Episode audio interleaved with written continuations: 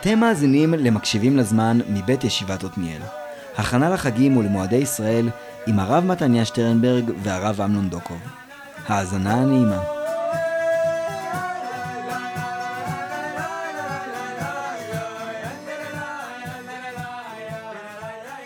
שלום הרב מתניה. שלום הרב אמנון. אנחנו מגיעים לצלע הנוספת של חגי התחייה, יום ירושלים. חג אה, שהוא קצת אה, מורכב בחגיגיות שלו. כלומר, הוא מצד אחד אה, חג מאורע משמעותי, אבל מבחינת הצביון ומה בדיוק נחגג בו, אנחנו מכירים בזה שזה קצת מורכב בציבוריות הישראלית. זה לא בקונצנזוס באותו מובן של יום עצמאות בוודאי. אפשר להגיד אפילו יותר מזה, כאילו, יש...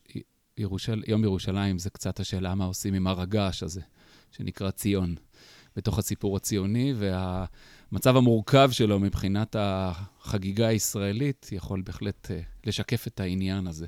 שאיפה ירושלים מתמקמת בסיפור הישראלי, זאת uh, שאלה פתוחה, שציבורים שונים לוקחים אותה לכיוונים שונים. כן, אז בעצם אנחנו צריכים לדבר גם אולי על יום ירושלים עצמו, אבל דרכו אולי לקלף כמה שכבות ולהתבונן בכלל על ירושלים, כדי שנבין על מה ולמה. כן, אז בואו נתחיל באמת מיום ירושלים, כי לפני שהולכים למילה ירושלים, שמתנפצת עם כל משמעויותיה, רגע, קודם כל יש פה... מאורע. יום, כן, יום שהוא זיכרון לנס גדול מאוד מאוד שקרה לנו. Uh, כמו שהרבה פעמים אומרים, הבעיה בכל סיפור זה כשאתה יודע את הסוף, ואז אתה כבר uh, לא מתרגש ממה שהיה קודם. וחלק מחגיגה זה כשאתה מחזיר את עצמך כמה שאתה יכול לשלבים שעוד לא ידעת מה הסוף. היינו הימים לפני מלחמת ששת הימים, כש... כל מדינת ישראל הייתה במתח נורא, והבדיחות השחורות מילאו את כל החלל. ו... לא רק הבדיחות, בתי קברות בתל אביב, עושים, אה, כן, מכינים את הקרקע. כן, אה, והמהפך הבלתי נתפס בין עוצמת האימה לגודל הניצחון, אה, מומלץ בהקשר הזה החוברת הקצרה שכתב חגי בן ארצי, שככה אוסף קצת את ניסי ששת הימים, כדי לראות איך, מה קורה שהקדוש ברוך הוא מצרף את כל הנסיבות ו... ממש מבירה עמיקתא לאיגרא רמא בזמן כל כך קצר, זה היפוך בלתי נתפס, וקודם כל, יום ירושלים זה זיכרון לאירוע הזה, שבו מאימה גמורה מדינת ישראל אה, מגדילה את שטחה, מגיעה אל אה, נקודותיה הקדושות, זה פשוט היפוך שרק אה, לחשוב אותו ולראות את הלפני ולראות את האחרי ואת ההתרגשות של אחרי, זה משהו שכדאי להתחיל ממנו. אז יש פה בעצם איזה מעין, אין בעל הנס מכיר בניסו. יכול להיות שהחיים שלנו רצופים באמת הרבה מאוד ניסים ונפלאות, אה, וכשאתה בתוכם, אתה לא תמיד יודע להתפעם מספיק, ובאמת, כמו שאמרת, אולי כשאתה אחריהם, כבר זה נהיה איזה משהו שגרתי כזה, והוא קצת מתעמם לך. כן. כן, זה כבר הברור מאליו. אז אה. אנחנו קצת נשחקים עם זה. ונכון אולי לעורר הנטייה האנושית לצייר את הציבור בדיעבד ככזה שככה היה צריך לקרות, בלי לזכור שלפני כן היה, זה יכול ללכת לכמה וכמה כיוונים אחרים, חס וחלילה. אז יש פה בהחלט נס גדול. ואפשר עוד להוסיף שגם ההתעוררות שבאה בעקבותיו, גם היא מעוררת התבוננות. זאת אומרת, הייתה פה איזו נקודה שבלי שעם ישראל תכנן מראש, הוא מצא את עצמו פתאום עם ירושלים. עם שפע גדול שירד לו, כן. כן. והעובדה שהייתה איזו בחירה, אמנם היא נעשתה על ידי uh, משה דיין, והיה פה פעולה פוליטית, אבל כנראה שהיא שיקפה דברים יותר עמוקים, זה לא היה במקרה. אה, זה שבעצם לא ידעו מה לעשות כל כך עם האוצר הזה, ובעצם קצת מסרו אותו הלאה, והשאלה מה אנחנו עושים עם האוצר הזה שנפל לידינו, עדיין אה, פתוחה. כן, אז אתה מעלה פה בכלל אולי אה, אמירה שהיא הרבה מעבר להקשר הספציפי של ירושלים, ששפע זה דבר מופלא, אבל צריך להכין כלים קודם, להתכוונן כדי להצליח ולזכות בו. Mm-hmm. זאת אומרת, נגיד את זה כמו בתפילה, כן? אתה יכול לעשות הרבה כלים לרכישה של תפילה, בסוף תפילה היא מתנה משמיים. מה הועילו הכלים שלך? כשאתה מקבל את המתנה, האם ידעת מה לעשות איתה? וצריך להגיד, וזה לא נכון רק לגבי משה דיין, זה להאשים אדם, זה בעצם להשליך על, עליו משהו שהוא בעצם משקף... תופעה רחבה הרבה יותר. שכוללת גם את הקבוצה הדתית, את כולם. לא, לא היינו מוכנים פתאום למתנה הגדולה הזאת שנפלה משמיים, וכעבור כמה זמן בעצם כמעט מסירת המפתחות הייתה, רגע, אנחנו לא יודעים מה לעשות עם הדבר הזה, טפלו, טפלו בזה במקומנו. מיקור חוץ. כן. אז דיברנו עכשיו באמת על, אה, על עניין הנס והפלא, שהוא עורר גם איזושהי התעוררות רוחנית מאוד גדולה בימים של אחרי uh, מלחמת ששת הימים. אבל אני חושב שאפשר לדבר על עוד רובד שב, uh, שנחשף, שהתעורר בתקופה הזאת, שנוגע בליבה חשובה וקריטית מאוד של המקום שלנו כיהודים, אה, וזה נוגע בכלל לחזרה שלנו לארץ. הזכרתי גם uh, בפודקאסט uh, קודם ביחס ליום העצמאות, שאפשר להבחין בין יום העצמאות שמדבר על מדינת ישראל לבין יום ירושלים שמדבר על ארץ ישראל. וצריך לחדד פה קצת את הנקודה הזאת, כי יהודים באמת בכל שנות הגלות הארוכות שלהם, היה להם געגועים עמוקים לציון. איחלו לחזרה לארץ, כפשוטו, וזה עולה ומשתקף כל כך uh, יפה בכל התיאורים שאנחנו מכירים uh, עד ימינו אנו, ביהודים שמגיעים נוגעים באדמת הקודש ומנשקים אותה. שמחים על, על עצם המגע עם, ה, עם האדמה. ויש משהו בתקופה הזאת שבין uh, הקמת המדינה ועד מלחמת ששת הימים, שמצד אחד באמת uh, עם ישראל סוף סוף חוזר uh, לארץ, או יותר נכון, מקים בה מדינה, וזה כבר מהווה איזשהו רווח והצלה גדול ליהודים, בטח אחרי השואה, אבל, אבל לא רק בגלל, ועדיין יש, אני חושב, איזושהי תחושת uh, חוסר מאוד גדולה. הגלות לא לגמרי נגמרה. זה משתקף מאוד יפה בירושלים של זהב של נעמי שמר, כשהיא מתארת את uh, ירושלים, העיר אשר בדד יושבת ובליבה חומה, שזה רפרנס ברור למגילת איכה. כלומר, גם כשאנחנו... איכה ישבה בדד. איכה ישבה בדד, העיר רבת ים. וכשאנחנו חיים אמנם במדינה, וירושלים היא כבר עיר בירה, אבל היא חצויה, וחלק ממנה לא שלנו, יש עדיין הרגשה של גלות. ומה שאולי אה, נפטר או מקבל השלמה במלחמת ששת הימים, זה באמת העובדה שחוזרים חזרה לחבלי מולדת. חוזרים חזרה בראש ובראשונה לירושלים, שהיא אולי מקום מאוד משמעותי, אבל אפשר אולי להרחיב את זה בכלל לכל המרחבים של יהודה ושומרון בתור נחלת אבותינו, שפתאום עם ישראל לא רק חי במדינת ישראל, אלא פוגש חזרה את ארץ ישראל. והנקודה הזאת היא בכלל, אני חושב, אמורה לקחת אותנו ככה לאיזושהי התבוננות עד כמה מקום ומרחב הם אה, חלק מהזהות שלנו, עד כמה אנחנו נמצאים בתשומת לב ומודעים למקום שבו אנחנו נמצאים. כי הרבה פעמים אנחנו יכולים לראות את המרחב כאמצעי, כפונקציה. ארץ ישראל היא אמצעי למדינת ישראל. הבית שלי הוא אמצעי למשהו אחר. ויש משהו ביום ירושלים, בהתעוררות הגדולה של יום ירושלים, ובכלל של מלחמת ששת הימים, שמזמין אותנו להסתכל על הדברים האלה קצת אחרת. בעצם מזמין אותנו לבוא ולראות שלמקום יש ערך מצד עצמו. אני צריך לראות שאני אולי כמו עץ שצומח מתוך האדמה, אדם אף פעם לא מרחף בחלל, הוא אף פעם לא תלוש מהקשר. וההקשר הכי בסיסי והכי שורשי שלו זה המקום. זה לא עניין פונקציונלי בלבד. שאני צריך מקום כלשהו. יש מקום שהוא שלי. שהוא שלי, שייך. או אני שלו, כן. בהקשר הזה. ו, אה, ולכן אני מנסה רגע להגיד לעצמנו ביום ירושלים, בואו נעזוב רגע רק דיונים אה, אה, רוחניים ואידיאולוגיים, ונחזור רגע למקום. יש את המימרה המפורסמת, כן, של לא אבוא לירושלים של מעלה, עד שאבוא לירושלים של מטה. יכולת שלי להיכנס לעומקים ולהיכנס למימדים של רוח ושל פנימיות, עוברת דרך ירושלים הנגלית, לא רק דרך ירושלים הרוחנית והרעיונית. ויום ירושלים באמת מזמין אותנו לשים לב למקום הזה. עומדות היו רגלינו בשערייך ירושלים. כן, הממשות, בתוך, לעמוד, ה, בתוך כן. הסיפור הזה. אני אולי אה, יוסיף ככה עוד אה, נקודה קטנה. הזכרתי קודם את המונח אה, געגועים לציון, שזה באמת משהו שהוא מאוד נוכח. הרבה פעמים אצלנו המושג געגוע מתקשר ישירות למשהו שנמצא רחוק. רחוק גיאוגרפית, רחוק בזמן. אני חושב שזה לא לגמרי מדויק, כי לא לכל דבר רחוק אני מתגעגע. אלא מה געגוע חושף? געגוע חושף שיש לי משהו, שיש לי איתו זיקה, יש לי אליו קשר, אבל הקשר הזה לא ממוצה עד הסוף, לא מוצה עד תום. ולכן יכול להיות געגוע גם למשהו קרוב. זה נכון שדברים רחוקים זה הרבה יותר uh, נוכח, אבל בעצם יכול להיות געגוע גם להווה, לא רק לעבר. יכול להיות געגוע גם למקום שבו אני נמצא. אפילו יש יותר פלא בגעגוע למה שקיים, כי בדרך כלל זה בתור סוג של היפוך. מה שלא נמצא, אני מתגעגע אליו. ברגע שהוא נמצא, אין כבר געגוע יותר, וזה החמצה, כי בעצם ההווה הופך להיות ביטול של הסוד. ולהיות ביחד ועדיין להתגעגע. אני חושב שזה גם היסוד של איש ואישה בתקופת הנידה, תקופת הריחוק, שאתם ביחד ויש געגוע. זאת אומרת שהגעגוע נמצא גם בתוך הביחד, כי הסוד אף פעם לא מפוענח.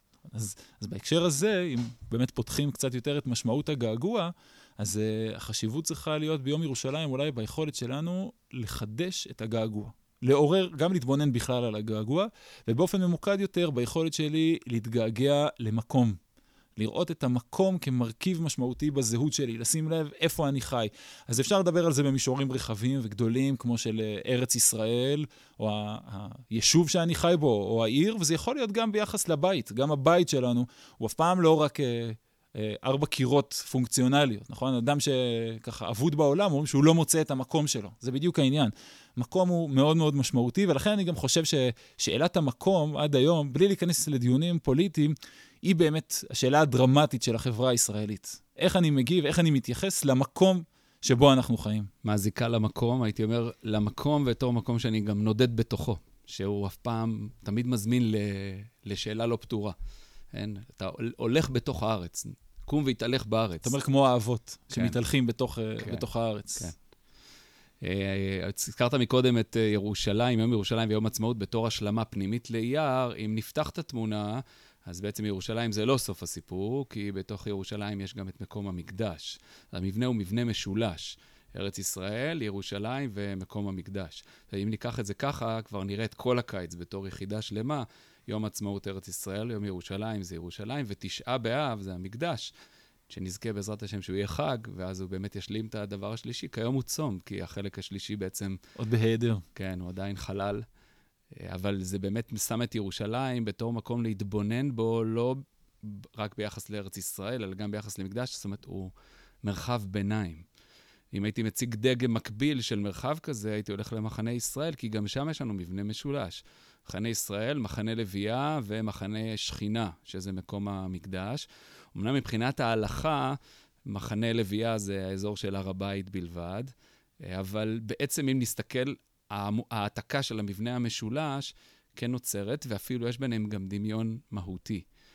כי מחנה ישראל הוא מרחב החיים. החולין זה המרחב שבו חיים, הארץ ישראלי הנרחב שבו מתקיימים כל החיים. מחנה מקדש, מחנה שכינה בצד השני, הוא מקום שבו כל עניינו זה קדושה, ולכן הוא, יש בו נבדלות מהחיים. לא, לא גרים בו, הם בו יום-יום. יש תהליך איך נכנסים אליו. כן. טהרה. בשביל להיכנס אליו צריך להיטהר, צריך להיבדל קצת מקליפות היום-יום, וגם אני נכנס באופן יהודי לעשות את uh, רצון השם, לעשות את מעשה הקדושה, ואני יוצא. מחנה לוויה במדבר זה מקום שגרים בו, אבל גרים בזיקה לקודש. גרים פה אנשים שהם uh, עובדי המשכן, והם חיים חיי יום-יום, אבל חיים בזיקה אל uh, מרחב הקודש שנמצא בפנים. והנה ירושלים, זאת אומרת, יש פה איזה מין מרחב ביניים, חיים בו, יש בו חיים, יש בו תסיסה, יש בו התרחשות, אבל כאילו יש לו איזה לב. והחיים מתייחסים אל הלב, אז ירושלים יוצרת את אותו מחנה לוי, המקום שיש בו חיים, אבל החיים מתייחסים אל אותו מרחב אה, פנימי ש, שרותח שם, גועש, אה, ומזמין את כל ההתרחשות של מחנה לוויה. אז היחס הזה בין uh, ירושלים למקדש שהעלית עכשיו, יכול לעלות לדעתי עוד, uh, עוד התלבטות מאוד מאוד חשובה בהקשר הזה, ביחסים האלה שבין שני, שני המוקדים. כי אפשר מצד אחד לראות באמת את, את המקדש בתור הלב, בתור המוקד, בתור הנקודה המרכזית, וירושלים היא מעין אדווה שלו. היא סוג של התרחבות, כלומר, יש פה נקודה שיש לה מטען כל כך כל כך גדול וכבד, שהיא גם מייצרת עכשיו איזשהן השפעות מעבר למעגל המצומצם שלהם, והנה אנחנו פוגשים את זה באמת בירושלים, פתאום גם קדושתה יונקת מתוך, אה, מתוך קדושת המקדש. זו תנועה אחת שיכולה להיות. מה שנקרא מעגלים קונצנטריים. יש מרכז ויש לו אדוות שמתפשטות ב... לפי ריחוק. כן, אבל ירושלים בהקשר הזה היא באמת, היא צומחת מתוך המקדש, אין לה עמידה עצמאית. כיוון אחר שאפשר אולי לראות בעניין הזה, זו תנועה הפוכה. לראות את ירושלים בתור הסיפור. ירושלים היא, היא המוקד, היא העיר, אולי עיר הבירה בהקשר הזה, ומתוכה צומח המקדש. כלומר, המקדש הוא המיצוי של ירושלים. כיוון שיש ירושלים, יכול להיות מקדש. כן, אנחנו יודעים שבאמת בתנ"ך, כרונולוגית, דבר ראשון, ירושלים היא עיר הבירה, ורק אולי מתוך זה שדוד בונה אותה, מקים אותה, כי כעיר המרכזית של עם ישראל, משם שלמה המלך אחר כך יכול לבנות את, ה, את המקדש. זה שתי תנועות הפוכות, כי זה קצת אה, לא עיקר וטפל, אבל זה כן מדבר על אה, וקטורים שונים, על תנועות שונות. אם אני צומח מתוך ירושלים, ואז מייצר לה איזה שפיץ שקוראים לו מקדש, הוא המיצוי של ירושלים, הוא הפוך. יש מקדש, ומתוכו נבנה פריפריה. זה מחזיר גם לפשט תורה, פשט תורה בדברים י"ב, כי אם אל המקום אשר יבחר השם, ויש איזה מקום שעתיד להיבחר. זה לא כל כך ברור מקום שבו יהיה המשכן, וממילא סביבו תיווצר קדושה, או איזושהי עיר מסוימת שהיא תיבחר, וממילא בגלל זה ישימו בה את המקדש. צריך להגיד שזה גם משמעותי בהיסטוריה. ירושלים לא הייתה הראשונה להיות המקום אשר יבחר השם לפניה, הייתה שילה, ושילה בדיוק מייצגת מקום שמקבל את כל קדושתו מהמשכן שבתוכו. ומה הראיה? שמרגע שהמשכן יוצא, המקום מאבד מקדושתו. קדושתו הייתה עובדה שיש בו מקדש, וממילא מתוך הדבר הזה אפשר לאכול קודשים קלים בכל הרועה, יש איזו התפשטות.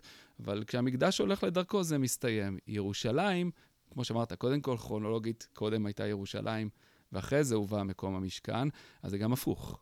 ירושלים אין אחרי ההיתר. זאת אומרת, ירושלים אה, היא העיר שגם אחרי החורבן, אה, היא מחכה. הייתי... הרושם של המקדש עדיין נמצא. שם כל הזמן, הייתי, נוכח נפקד. הייתי מגדיר את ירושלים בתור העיר שיודעת לחיות את החוסר. הרבה מאוד שנים. היא יודעת לחיות את החלל שבתוכה ולהנכיח אותו. במקומות אחרים, מלאך הקודש, בסדר, כשיחזור נדבר. וכאן יש עיר שהחלל שבתוכה הוא חלק מהחיים הפנימיים שלה, וזה הנצחיות שלה. וזה מתחבר עם מה שאמרת, מקודם דיברת על זה שירושלים קדמה למקדש, ואולי הראיה לזה שכשהמקדש הולך, ירושלים עדיין נשארת בתור מקום שהכמיהה למקדש עדיין אה, נשארת אה, פתוחה ולא פתורה בתוכו. התיאור שלך עכשיו על ירושלים כעיר הכמיהה למקדש יכול להשתלב עם הדברים שהעלינו קודם בהקשר של געגוע. קודם דיברנו על היכולת אולי לעורר את הגעגוע לירושלים, למקום, למרחב, אבל אולי עכשיו אפשר לראות את ירושלים בתור עיר הגעגוע, ירושלים היא מה שמעוררת את הגעגוע גם לשלב הבא. תיארת את זה בתור מחנה לוויה, אז אפשר לראות את זה, מחנה לוויה בתור מה שפותח בכלל למרחב ולארץ את הגעגוע, ואולי גם מה שפותח למעלה אל המקדש, להתגעגע אל החוסר, אל ההיעדר, שאליו אנחנו עוד uh, מייחלים. החיבור הזה של ירושלים, אפשר להוסיף, כי מה שהזכרת מקודם, שקודם הייתה עיר מלוכה, ואחר כך בא אליה המקדש, אולי זה בעצמו נמצא בלב החיבור. זאת אומרת, מדובר בעיר שקודם כל היא עיר שלטון. ולעיר השלטון הזה מצטרף, שילה לא הייתה כזאת. זה היה עיר מקדש והיה עיר שלטון בנפרד. דת ומדינה, כן, נמצאים במקום אחר. עובדה שיש כאן מקום שהוא מרחב המלוכה והוא מרחב המשפט, ואל מקום המשפט ואל מקום המלוכה, אחרי זה מצטרף הקודש, יוצר איזה חיבור מיוחד בירושלים, שאולי זה שיוצר את, ה, את אותו מימד נצחי שיש בה, שגם כשהקודש נעלם, עדיין מרחב השלטון מחכה אל הקודש שיחזור אל תוכו. יפה. לי זה השתלב גם עם המשפט שציטטתי גם קודם, על אה, לא אבוא בירושלים של מעלה עד שאבוא בירושלים של מטה, היכולת לחבר אה, פנים וחוץ משתלבת גם כאן, בהקשר הזה. אני חייב את ירושלים הממשית כדי לצמוח אה, למימדים עמוקים יותר. ועולה לי ככה איזו מחשבה מעניינת נוספת בהקשר הזה פתאום, שאולי לא בכדי יום ירושלים הוא גם היום שפותח את השבוע האחרון של אה, ספירת העומר, שבוע המלכות. אה, מלכות גם במובנה הפשוט, הנה עיר, עיר המדינה הגדולה, עיר הממלכה, וגם המלכות בעולם הסוד משקפת הרבה פעמים את הרובד הנגלה, הממשי, אבל שהרבה פעמים עניינו הוא גם להיות שער. פיתחו לי שערי צדק, אבובה מודיה, זה הפתח. רק דרכו אתה יכול להיכנס. ממנו אתה יכול לצמוח גם הלאה. אתה חייב אבל אותו, כי בלעדיו השער, שער חסום, אין דרך להתקדם אל העולמות, ה, אל העולמות הפנימיים. יפה. טוב, אבל צריך בכל זאת אה, לחשוב גם על הממדים הקונפליקטואליים של היום הזה, כי לצערנו הוא יום שבטי.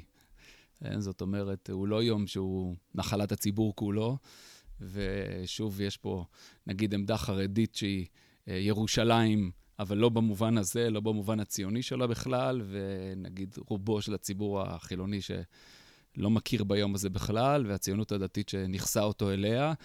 אה, יש פה שאלה לא פשוטה מבחינת המקום של ירושלים. נכון. אז בהקשר הזה, צריך אולי לחזור לפסוק המפורסם של עומדות היו רגלינו בשערייך ירושלים, כן, ירושלים הבנויה כעיר שחוברה לה יחדיו, ששם עלו שבטים שבטי יה. ירושלים מתוארת בתור עיר השבטים. עכשיו, אנחנו יודעים שברמה הכי פשוטה זה נכון, ירושלים לא מסופחת לאף, לאף נחלה. מלכתחילה זה עניינה, כדי שאף אחד לא יוכל אה, לקחת עליה בעלות. אבל מעבר להיבט... זו מחלוקת, אם ירושלים נתחלקה לשבטים או לא נתחלקה לשבטים. אבל בכל מקרה היא נמצאת על גבול התח... נכון. הנחלות. אבל היא, היא אף פעם לא מסופחת למישהו אחד. אני חושב שהדבר הזה הוא נכון לא רק במישור הפוליטי, כדי לנטרל אה, בעיות, אלא הוא משקף איזשהו היבט עמוק יותר. ירושלים זה המקום שמבקש אחדות, במובן הזה שהוא מכיר בזה שלעם ישראל יש באמת 12 שבטים, וכל שבט יש לו את הסיפור שלו, ואת השורשים שלו, ואת המסורות שלו. וירושלים מבקשת עכשיו לאסוף את כל השבטים למקום אחד. לא לייצר אחידות, לא לייצר איזה קו רגיל, פשוט, שכולם אה, מתיישרים על פיו, אלא אדרבה, לתת את המגוון, לתת לקולות השונים, לגוונים השונים, לתפיסות השונות, לשבטיות, להמשיך ולתת לה מקום, אבל מתוך איזושהי הכרה שיש לה כן שורש מאחד. זה אולי משתקף גם בזה שלירושלים צריך לעלות. כי בכלל לייצר אחדות, יכול, אפשר לעשות את זה בשתי צורות. אפשר ללכת למחנה המשותף הנמוך ביותר, מזכיר אולי קצת את אה, מגדל בבל, שנמצא בבקעת שנער. אה, מתנקזים אליו, כן? יש מקומות שאתה יכול להתנקז אליהם, ואז אתה מרגיש ביחד עם כולם. המחנה המשותף הנמוך, הנמוך זה הפחד הקיומי, נגיד. כאילו פחד. קיומי, כן. שנאת אחר. כן. אפשר לחשוב עוד על הרבה, הרבה דברים בסגנון הזה. ואפשר לדבר על אחדות שצומחת דווקא מתוך אתגר. אתה מבין שיש סיפור שהוא עמוק יותר מכל מה שתוכל להגדיר. ולכן הוא יכול להופיע בעולם במגוון צורות, במגוון פנים. אה, וירושלים, עם הנעלם העמוק שקיים בתוכה, עם הגעגוע הזה שדיברנו עליו קודם, היא זאת שאומרת לעם ישראל, כולכם עולים לכאן. ואולי בחזון אחרית הימים, זה לא רק עם ישראל, כל העולם עולה לירושלים, כל העמים עולים לירושלים. פרשת נשוא, שנקרא בשבת שאחרי יום ירושלים, מדברת על חנוכת המשכן, והיא הפרשה הכי ארוכה בתורה, כי יש בה 12 נשיאים שמקריבים. אותו דבר. הכל, כן. ואתה יכול, שואל את עצמך, כשאתה קורא 12 פעמים את אותו טקסט, אתה אומר, טוב, תגידו כנ"ל כנ"ל, כאילו באיזושהי צורה, בשפה מקראית כזאת, וכן וכן. אה, וכאילו הפרשה עולה לך, מה זאת אומרת? אתה היית רוצה שיקראו לך וכולי? כאילו, הנשיא של שבט אה, דן עולה, הוא יש לו יום של עצמו, ואנחנו נקרא את הכל מחדש, כי המקום שלו לא פחות חשוב משבט אה, יהודה, או מי שזה לא יהיה, כן. כן, כל נשיא מקבל, ואנחנו נקרא מחדש, וכמעט, הייתי אומר, זה מסוג הפרשיות שבהם הקריאה היא לא אינפורמציה, אלא היא לחולל את הדבר. הנה, בקריאה של כל שבט מחדש, אני מחולל את היום שלו כיום שיש לו מעמד בפני עצמו, עומד בפני עצמו. זה... חיבור השבטים שיש בירושלים, שצריך להיות בירושלים. אז צריך באמת להדגיש שיש פה, זה לא רק נתינת מקום לכל אחד מהפנים, אלא זה היכולת לאחד את כולם. כי נתינת מקום לכל גוון, יכול, גם בה יכול להיות משהו מאוד רופס. זה מין אה, אה, הכלה רפויה כזאת, שבה כל אחד נמצא עם הנרטיב שלו, ולאחר אין יכולת לתקשר איתו. ופה האמירה היא עמוקה יותר, היא אמירה שבאה ואומרת, יש משותף, יש ביחד. יכול להיות שהוא עמוק, יכול להיות שאי אפשר להגדיר אותו עד הסוף, אבל דווקא מתוכו אנחנו מרגישים שותפים. אנחנו רוצים לבוא ביחד, אנחנו רוצים לתקשר וליצור את התמהיל השלם שקוראים לו עם ישראל, דווקא מתוך uh, ריבוי הגוונים הזה. וזה אולי אתגר שירושלים באמת uh, עד היום מתמודדת איתו. איך היא אוספת לתוכה את כל uh, נדחי ישראל, או בכלל את כל השבטים הפנימיים של uh, עם ישראל. זה מזמין ללכת קצת אל השורשים של uh, ירושלים. ירושלים זה שם שמחבר בתוכו אה, יראה ושלום, מה שלוקח אותנו אל ההתחלות ההתחלות, שהפעם הראשונה שאנחנו פוגשים את מה שעל פי הפרשנות הוא ירושלים, זה במלכי צדק מלך שלם, אה, שהוא כהן לאל עליון, ובאמת אה, זה מקום שהשם הראשון שלו הוא שלם, ואחר כך אנחנו פוגשים את הר המוריה, שהוא אשר יאמר השם בהר השם ייראה. יראה ושלום לא בקלות מסתדרות ביחד, יש משהו ביראה שקשור, התחלנו לדבר על הר הגעש. הר הגעש, היחס של בין האדם לבין האינסופי האלוקי שפועם בתוך המציאות, זה הר הגעש של הקיום האנושי. אה, לכן זה נכון שמצביעים על זה ומראים שהר הגעש הזה הרבה פעמים מחולל דברים מאוד לא פשוטים בעולם. אי אפשר לברוח מזה. זה, פתרון הרבה פעמים אומר, טוב, זה מה שהר הגעש הזה עושה, אני בורח. אבל זה לברוח. זה לברוח ממה שהוא האדם, זה לברוח ממה שהוא הקיום. יש הר געש כזה שפועם בתוך הקיום שלנו, אדם פתוח לאינסופי, והיחס בינו לבין האלוקי רועד ורותח בכל רגע נתון, וכשמרגישים את זה, כולם כמהים על המקום הזה. בכל ההיסטוריה של ירושלים, זו היסטוריה של uh, אנשים, דתות, uh, ו... ומלחמות. ומלחמ... כן, שנמשכו על המקום הזה כחבלי גסם ורצו לנכס אותו אליהם. ולקחת את השליטה עליו, כי יראה היא באמת קשורה לפתיחות אינסופית. ולכן כמעט הייתי אומר שבינה לבין שלום בדרך כלל יש הפכים. שלום בדרך כלל נוח לשכון, כמו שאמרת, מחנה משותף נמוך. זאת אומרת, כשאנחנו מחלישים את ווליום הקיום, ומה שנשאר הוא שכל אחד אה, יהיה בתוך אה, גבולות החומרנים המצומצמים של הנאותיו היומיומיות, זה בסדר, אפשר שלום. זה שלום של עזוב אותי ואני אעזוב כן, אותך. פרווה. כן. זה, זה חשוב, השלום, כן? לא, לא נזלזל בו, רק לא, לטווח הארוך, הוא לא מצליח להתחון, להיווצר דרך זה שהאנושים מסרס את uh, כוחות החיים שפועמים בו. זאת אומרת, החידוש הגדול הוא שעירה ושלום כן יכולים להתחבר. Uh, זאת אומרת, נגיד uh, שמפלגות הרבה פעמים מתאחדות, זה בדרך כלל כי הלהט האידיאולוגי כבר לא כזה כמו פעם, ופתאום אנשים שפעם בקושי יכלו לראות אחד את השני מתחברים. עכשיו, זה מאוד יפה לראות את השלום. מצד שני, צריך להגיד את האמת, זה נובע מזה שהאידיאלים, פעם אנשים לא יכלו לדבר אחד עם השני, אני יודע, כמו ההתחלקות של הקיבוצים, איחוד ומאוחד. אה, זה מאוד יפה שזה, היום יש נגיד יותר שלום, זה נובע מזה שכבר אין את להט האמונה שהיה פעם. אז זו השאלה הגדולה, האם אמונה ולהט והאש הבוערת, הר הגעש המטורף הזה, שנמצא בלב העולם, בלב ירושלים, בלב ארץ ישראל, האם הוא יכול אה, בסופו של דבר להיות גם מקום של אה, שלום, שבראש כל העמים כולם, שכולם עולים אליו, שכולם מוצאים בו את מקומם, שכולם קוראים בשם השם, איש בשפתו וכלשונו, אבל עם איזה פנייה להשם אחד ושמו אחד. זה מקום שירושלים משאיר אותנו, ובני ישמעאל אה, מאתגרים אותנו בעניין הזה בצורה מאוד אה, חזקה, לשאול את השאלה הזאת. אני חושב שאם אנחנו מציירים את היראה רק באמת במובן המפחיד שלה, זה, הקונפליקט בינה לבין שלום הוא, הוא באמת הרבה יותר כבד. אבל אנחנו מכירים את זה שמדברים הרבה פעמים על יראה כפחד, אבל יש יראה גם כסוג מסוים של אה, התפעמות. יראת הרוממות קוראים לזה בהרבה מקרים. והיראה הזאת מדברת שוב על הפלא. נתת את הדימוי של הר געש. הר געש יכול להיות מצד אחד דבר מפחיד, הוא מפחיד, אבל uh, מעבר לזה שהוא מפחיד, הוא גם uh, מפליא. זאת אומרת, איזה מטורף מה שקורה פה מתחת לקרום של כדור הארץ, כן? יש מרחבים שלמים שאני לא מכיר. ומהמקום הזה היראה לא באה להפחיד אותי, אלא היראה באה רק אה, להפליא אותי. אומרת לי, יש פה באמת את הנסתר. ואל מול הנסתר אני יכול גם לייצר שלום, כי אני מבין גם שלא אני אוחז בהכל ולא זה שמולי אוחז בהכל, אלא הקומבינציה, השילוב של כולנו ביחד, הוא זה שמחולל את הדבר הזה. ומשם, אולי שוב, מתוך הגעגוע, אפשר לייצר שלום, אפשר לייצר אחדות, אפשר להיפתח לעוד אה, מרחבים. כן, חשבתי באמת לסיים בהקשר הזה בפרק המפורסם של תהילים קכ"ב, קצר, והוא כל כך מחבר את כל הצדדים יחד. שיר המעלות לדוד, שמחתי באומרים לי, בית אדוני נלך, אז, אז לאן מגמתנו? אל המקדש, אל בית השם. עומדות רגליים בש... רגלינו בשערייך ירושלים, מה שהזכרת מקודם. גם רגליים וגם הרגליים, שערים. הרגליים, המקום, השערים, וירושלים דווקא מתארת.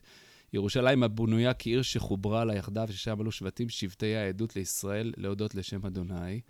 אז uh, ירושלים בתור המקום שעניינו החיבורים. העיר שחוברה לה יחדיו, המקום שבו שבטים יכולים, שבטים שונים יכולים לעלות ביחד ולהודות לשם השם. לא, להודות לשם השם צריך אולי גם להדגיש. כן. זה לא רק בינם לבין עצמם, יש את הגבוה שאליו הם פונים. שאליו הם מחוברים, נכון.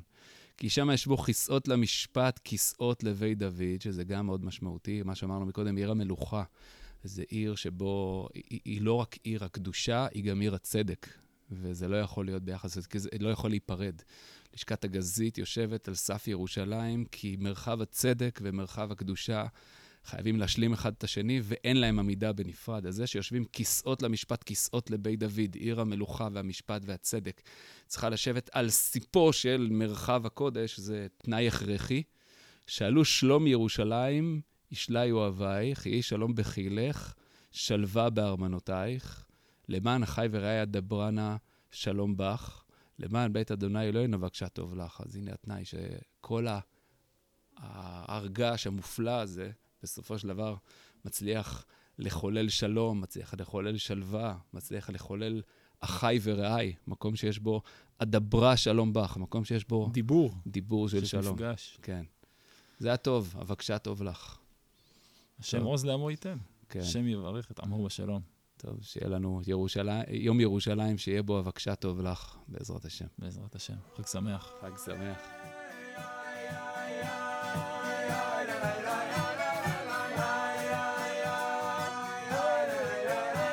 האזנתם למקשיבים לזמן מבית ישיבת עתניאל. ניתן למצוא את הפרק הזה, כמו גם את שאר התכנים של הישיבה, בכל אפליקציות הפודקאסטים. נהניתם? איזה כיף! נשמח שתשתפו את החברים שלכם.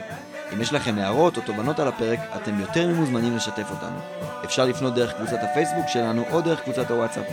קישור לשתיהן תוכלו למצוא ממש כאן בתיאור הפרק. העורך הוא שמוליק סמואל ועל הפקה אלעד שדות. תודה להם, ולהתראות בפרק הבא.